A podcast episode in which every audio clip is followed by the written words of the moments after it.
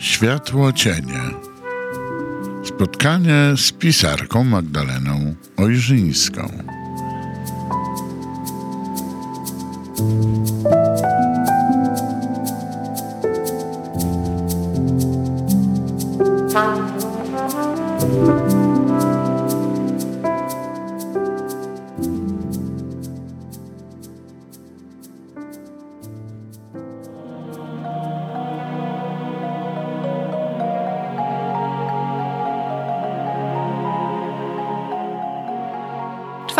21. Magdalena Ojrzyńska, nieliteralna literatka w eterze. Witam Państwa wieczorową porą na antenie Radiakson w mojej audycji Światłe Cienie. Drogie słuchaczki, drodzy słuchacze, po ostatniej audycji, podczas której miałam przyjemność przeczytać Państwu fragment Kwiatu Paproci z mojej drugiej książki opowieści światłem i mrokiem pisane, otrzymałam kilka miłych wiadomości od osób, wśród których mam nadzieję są moi przyszli czytelnicy, i osoby te zadały mi pytania dotyczące mojej twórczości. I choć podczas naszych pierwszych spotkań tutaj opowiadałam trochę na temat tego, czym dla mnie są słowa, czym dla mnie jest magia pisania, jak ja piszę i o czym piszę, to po tych wiadomościach stwierdziłam, że może warto abym dała Państwu lepiej poznać nie tyle siebie, co nurt, w którym ja tworzę. Dlatego, drodzy słuchacze, podczas dzisiejszego programu chciałabym opowiedzieć trochę na temat realizmu magicznego. Nie mam tutaj na myśli światła i cienia, o czym tutaj mówimy sobie w trakcie audycji, ale właśnie realizm magiczny. Czym jest w zasadzie bez zasady? Czym jest dla mnie? Dlaczego właśnie tak? Dlaczego nie inaczej? Wreszcie, dlaczego taki tytuł dzisiejszej audycji, nieliteralna literatka? Chciałabym Państwu opowiedzieć również trochę o twórcach, którzy mnie inspirują oraz o tym, skąd ja czerpię energię do pisania, skąd czerpię inspirację, co mnie karmi, co mnie zasila. Również dlaczego zdecydowałam, że sama jestem sobie sterem i okrętem, bo takie pytania również często się pojawiają. Co to oznacza i z jakimi górami lodowymi ja, żeglując po tym oceanie self-publishingu się mierzę. No i oczywiście opowiem kilka słów o mojej pierwszej książce, która tak naprawdę niedawno obchodziła swoją drugą rocznicę wydania. Rety, proszę Państwa, jak ten czas zasuwa szybciej nawet niż leci. Nieliteralna literatka, czyli ja. Teraz zapraszam na chwilę z muzyką, a już za moment słyszymy się w eterze.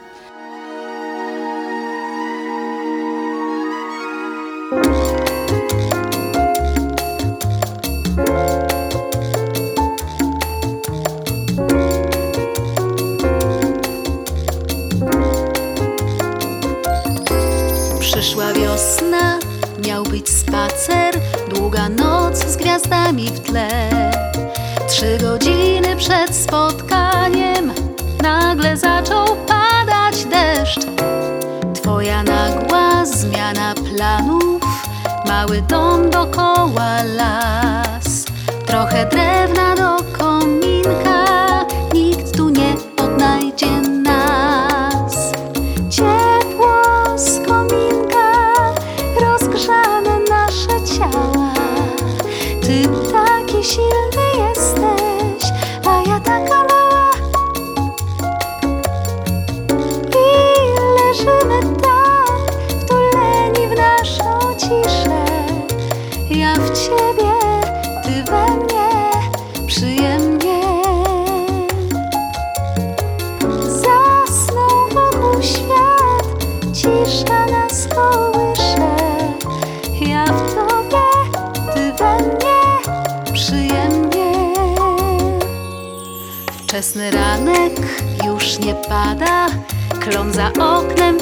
w słońcu lśni.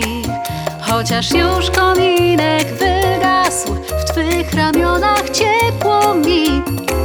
Trawa połyskuje rosą, gdzieś pod lasem szczeka pies.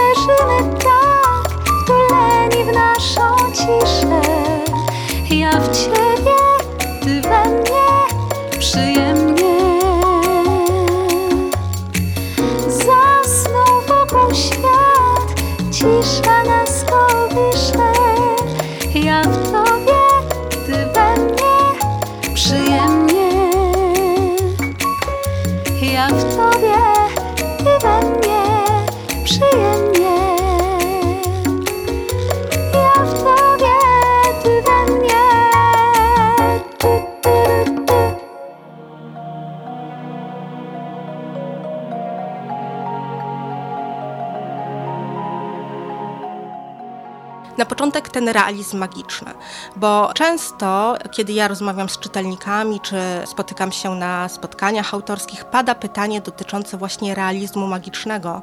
Czym ten realizm magiczny jest? Ponieważ no nie jest to taki bardzo powszechny nurt, w którym albo obowiązujący trend wydawniczy.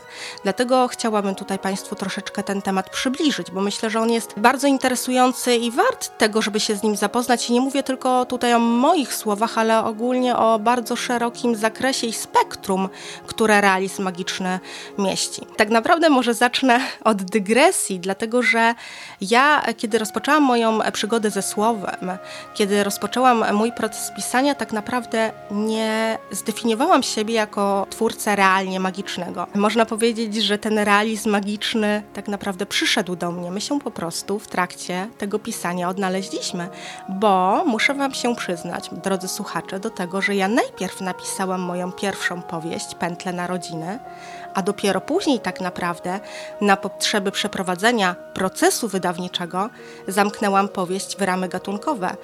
No ale przecież w rzeczywistości wiecie doskonale, drodzy Państwo, że nie ma czegoś takiego jak kwestia przypadku. I tak naprawdę bardzo szybko okazało się, że realizm magiczny pasuje do mnie idealnie. My się po prostu uzupełniamy. To jest dla mnie rezonująca z moją wyobraźnią, ogólnie z moją osobowością i ze mną przestrzeń. Tak dla mnie naturalna, intuicyjna wręcz. Ja się w niej naprawdę bardzo swobodnie poruszam. Czasami wydaje mi się, że gdybym miała poruszać się w innej przestrzeni, w innym gatunku, to może byłoby to dla mnie trudne. No ale tak naprawdę, jeśli tutaj dodatkowo i na potrzeby definiowania trzeba poddawać się nomenklaturze, to realizm magiczny idealnie zamyka moje słowa w definicji. I teraz troszeczkę o samym gatunku, bo chciałabym go Państwu, tak jak już zapowiedziałam, przybliżyć. Gatunek sam w sobie nie jest jednoznaczny i nie jest oczywisty. Ma pewne cechy, które oczywiście można wyłuszczyć, i myślę, że one właśnie tak najbardziej przystają do tego, jak ja piszę, o czym ja piszę, ponieważ teksty magicznie realne bazują na wielowymiarowości. Owszem, bywają mocno poetyckie, bywają metaforyczne, są bogate w środki stylistycznego przekazu.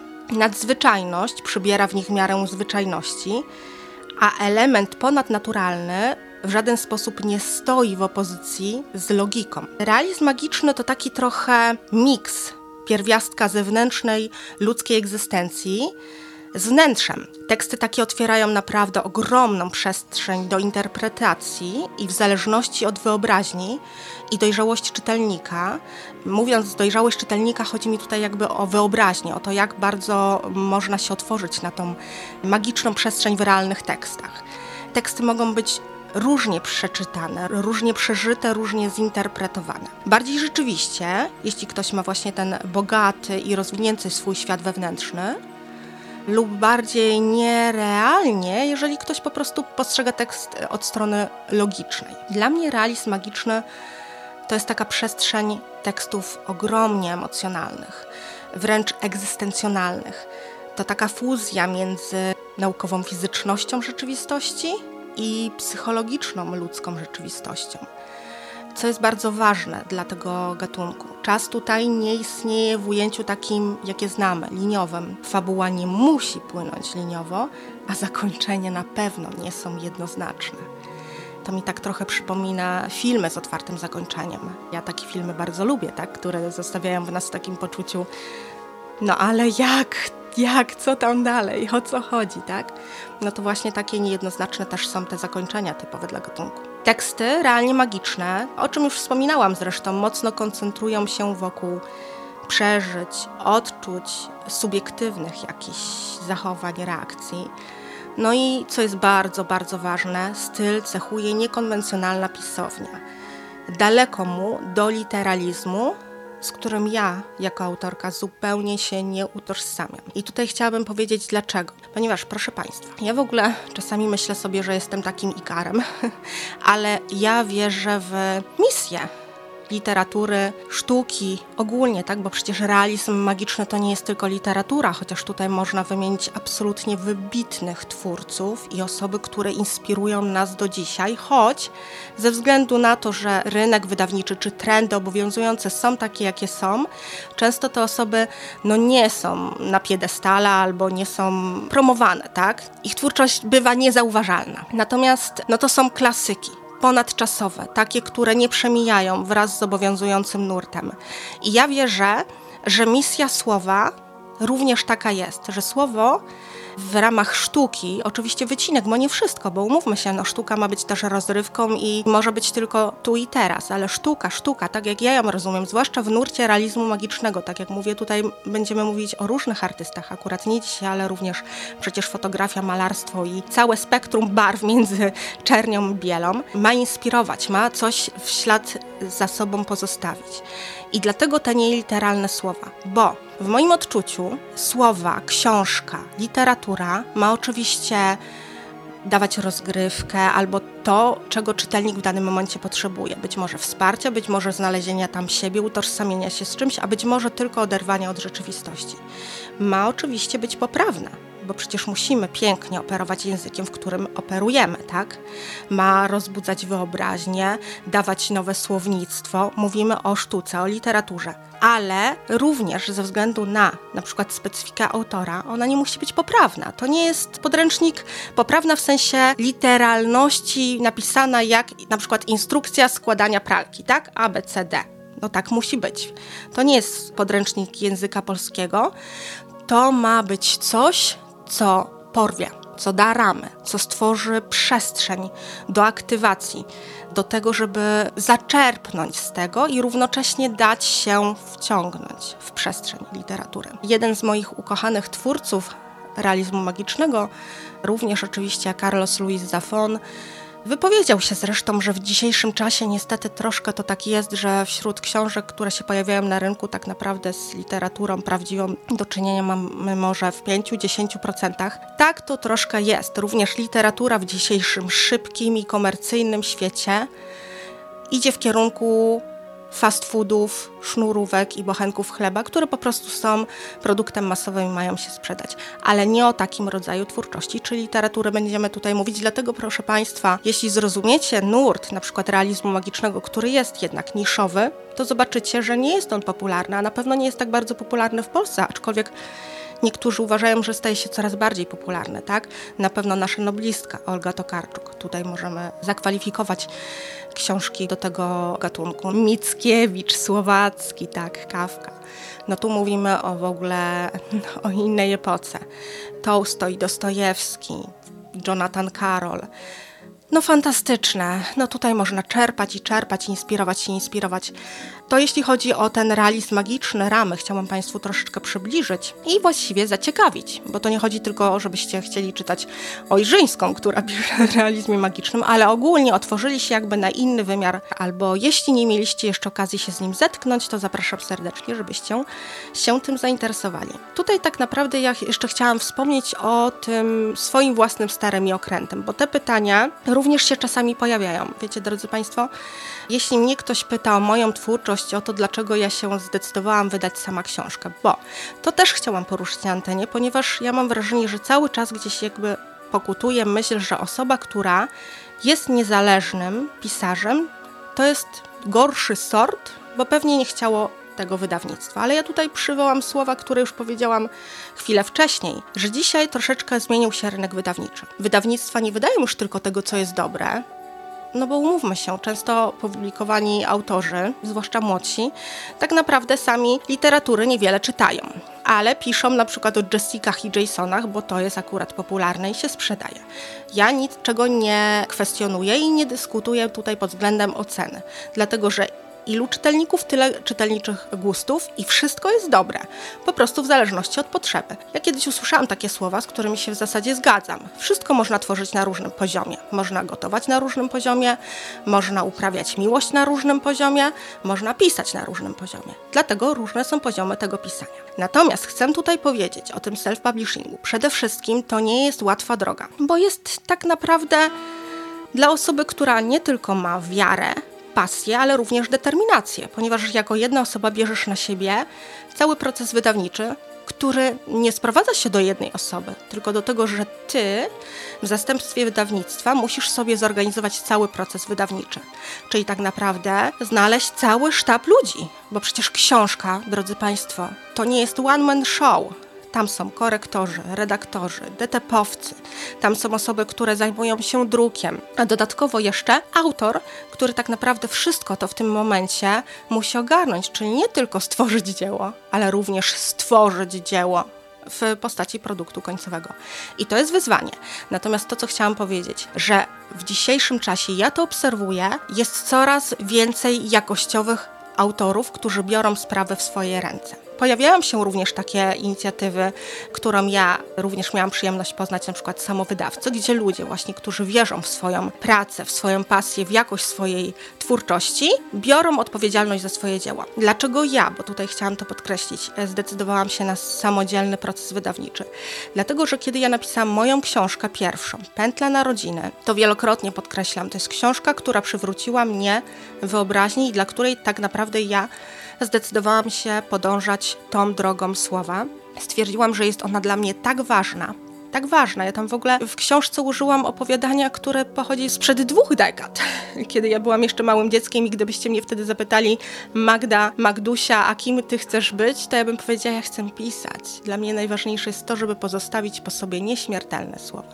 Ja to wykorzystałam w tej książce. Dlatego była dla mnie ona tak ważna, no jak moje dziecko, pierwsze dziecko, że stwierdziłam, że zrobię wszystko, żeby się nią jak najlepiej zaopiekować, ale przede wszystkim ze względu na jej niszowość i realizm magiczny, drodzy Państwo, którego widzicie, my się po prostu musimy jakby zapoznać albo odkryć, że on jest, bo nie jest popularny, bo jest niszowy. Ze względu na specyfikę, ze względu na inność gatunku niż obowiązujący trend, stwierdziłam, że nie pozwolę mojej książce wylądować na cmentarzystku zapomnianych książek, dlatego że na przykład w danym momencie jest nieprzystająca do czegoś.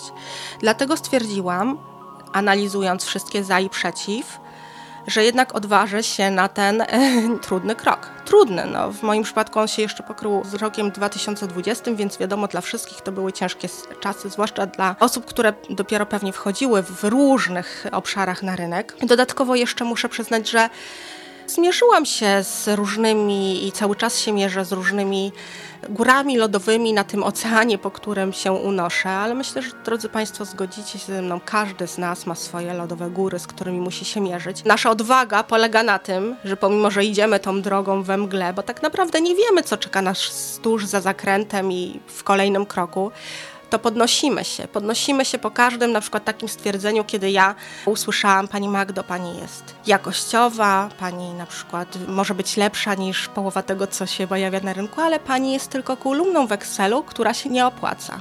Ciekawa jestem, jak często Wy, drodzy słuchacze, macie takie swoje doświadczenia ze świata rzeczywistego. No w każdym razie nie chcę tutaj jakby nad tym się roztrząsać, ale chciałam, żebyście Państwo również wiedzieli, dlaczego tak i nie inaczej i dlaczego niezależne pisanie w dzisiejszych czasach tak naprawdę oznacza jakość, a nie to, że ktoś jest mało jakościowy.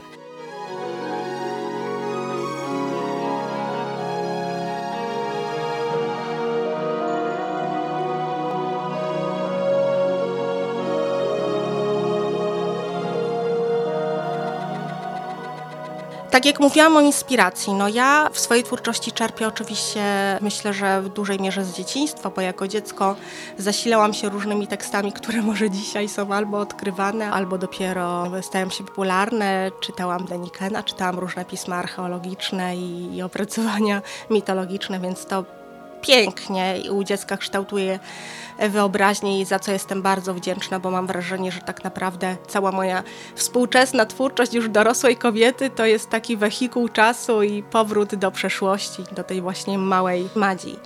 Natomiast to, co mnie inspiruje, to jest energia przyrody, to jest obcowanie z krajobrazami, z przestrzenią, z lasem, z wiatrem, z mgłą, z tym wszystkim, co piękne, dziewicze, energetycznie czyste, co czasami wydaje się może nawet mroczne dla niektórych, niedostępne, tajemnicze, ale tak naprawdę wydobywa światło z tej mroczności pierwotnych żywiołów, bo wszystko w naturze, z natury jest piękne i dobre. To tylko człowiek czasami zbacza z drogi. Ponadto inspirują mnie czytelnicy. Już przy mojej drugiej książce, tak jak ja mówiłam, pętle, pętle na rodziny, ja napisałam, bo miałam taką potrzebę, bo ta książka we mnie dojrzewała, bo ona musiała zostać po prostu napisana, te słowa się ze mnie wyrywały, wylewały i chciały znaleźć ujście. Ale na przykład już do mojej drugiej książki, opowieści światłem i mrokiem pisane, zainspirowali mnie czytelnicy którzy uwierzyli w moje słowa, zaczęli czytać moje teksty blogowe, zaczęli śledzić mnie jako autorkę i tak naprawdę nawet kontaktować się ze mną, pisać wiadomości, mówić Magda, napisz o miłości, bo druga książka jest bardziej o miłości w różnych formach w sposób taki, jak tylko ty potrafisz. To jest tak cudowne, wiecie, dla mnie jako dla autorki, tak wspaniałe i zasilające, że mogę dostawać tą energię, którą zczerpuję z ludzi poprzez rozmowę z nimi czy poprzez obserwacje. Kochani Państwo, drodzy słuchacze, jeżeli Wy będziecie mieli jakiś pomysł albo będziecie chcieli, żebym ja jakiś temat tutaj poruszyła, albo rozwinęła, albo przepracowała go, czy ubrała w ramy realnie magiczne, to oczywiście piszcie maile na adres, który jest podany na stronie Radiakson. Ja z przyjemnością wszelkie Wasze inicjatywy, pomysły wezmę pod uwagę. Także zapraszam serdecznie. Ja bym teraz mogła mówić jeszcze o tym realizmie magicznym i o tych inspiracjach. Teraz tak naprawdę, jak jestem tutaj z Wami, muszę przyznać, że ta przestrzeń jest dla mnie taka inspirująca i ten czas, który spędzam z Wami tutaj w czwartki o 21 jest dla mnie zawsze taki, że jak sobie coś wcześniej wymyślę albo zaplanuję, to później tak z odcinka na odcinek to tak ewoluuje i nagle przychodzi zupełnie nowa inspiracja i pomyślałam sobie, że o tym realizmie magicznym to ja bym wam chciała jeszcze, drodzy Państwo, opowiedzieć, ale już tutaj będę mówiła nie tyle o słowach, co ogólnie o różnych twórcach i również o postaci jednej wybitnej osoby. Teraz nie będę zdradzać.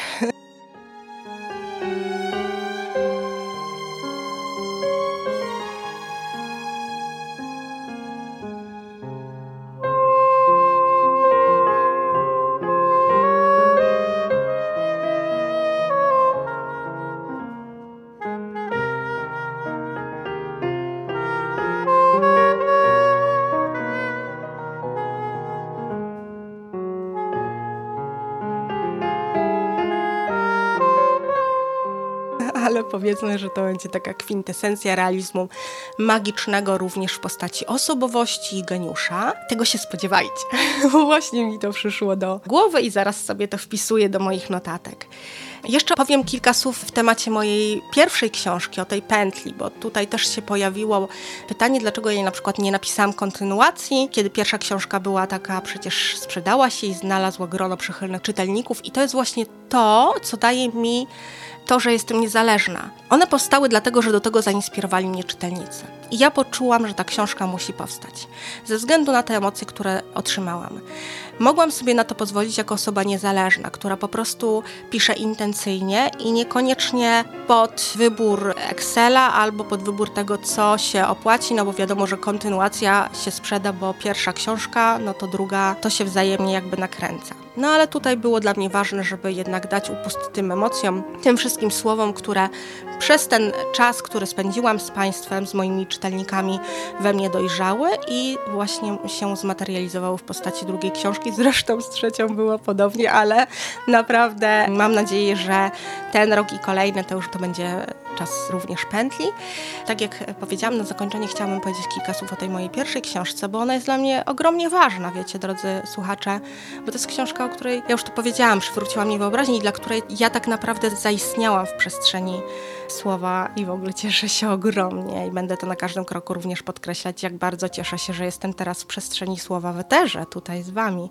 Także dziękuję za Waszą obecność. Mam nadzieję, że ten czas jest dla Was fajnie spędzanym czasem w tym realizmie magicznym, świetle i mroku, w światłocieniach. Pętla na rodzinę to jest książka, która jest takim trochę filmem daje ramy dla wyobraźni czytelnika. Tutaj wchodząc w nią, czytelnik staje się świadkiem, obserwatorem, towarzyszem tych wszystkich rzeczy, które się dzieją. To jest książka, tak jak już wspomniałam o samym nurcie, która w zależności od czytelnika może być różnie zinterpretowana, bo mamy kilka mieszających się ze sobą wątków. W Trzonie to jest historia matki i córki, ale tak naprawdę rodziny, która przemieszcza się z dużego miasta gdzieś oddaloną daleko na północ do osady, która z pozoru wydaje się zwyczajnym miejscem, ale nagle okazuje się, że jest zupełnie inną miejscowością niż być się wydawała.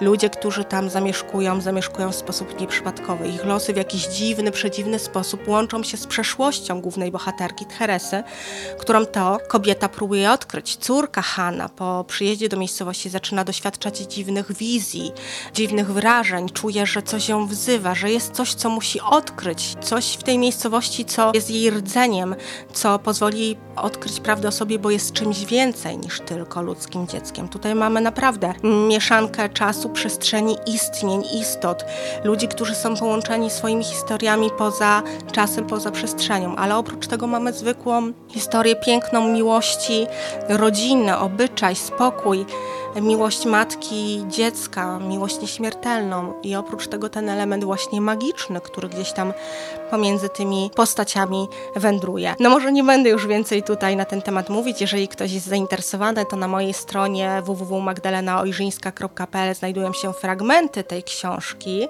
więc można się z nimi zapoznać. Ja oczywiście serdecznie zapraszam do lektury. Dzisiaj dziękuję Państwu bardzo za wspólnie spędzony czas. Już niebawem opowiem Wam o czasie właśnie, który nie istnieje i o tym, jak to jest z odkładaniem rzeczy potem na potem. A w tej chwili z tego miejsca życzę Wam spokojnego wieczoru. Do usłyszenia za tydzień, oczywiście na antenie Radiakson w Eterze Światło Cienia w czwartek o 21. Pozdrawiam serdecznie. Dobrej nocy.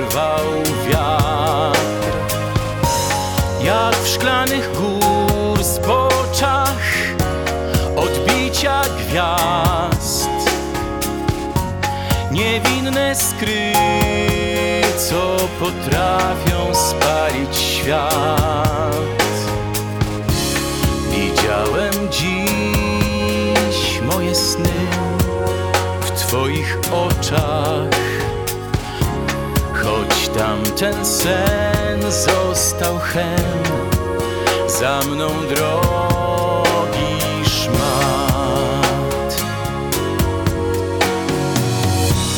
Widziałem dziś moje sny w Twoich oczach, zgubione gdzieś, nie wiem gdzie,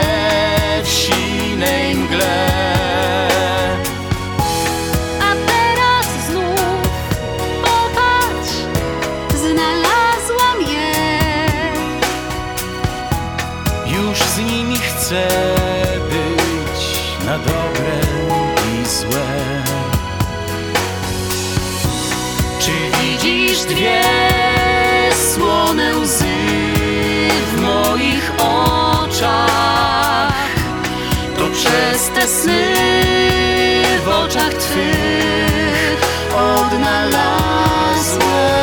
je.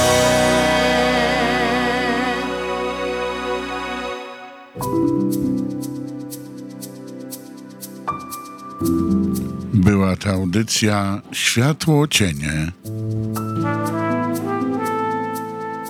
Kolejne spotkanie z Magdaleną Ojrzyjską, pisarką, już wkrótce na antenie Radia Kson. Zapraszamy.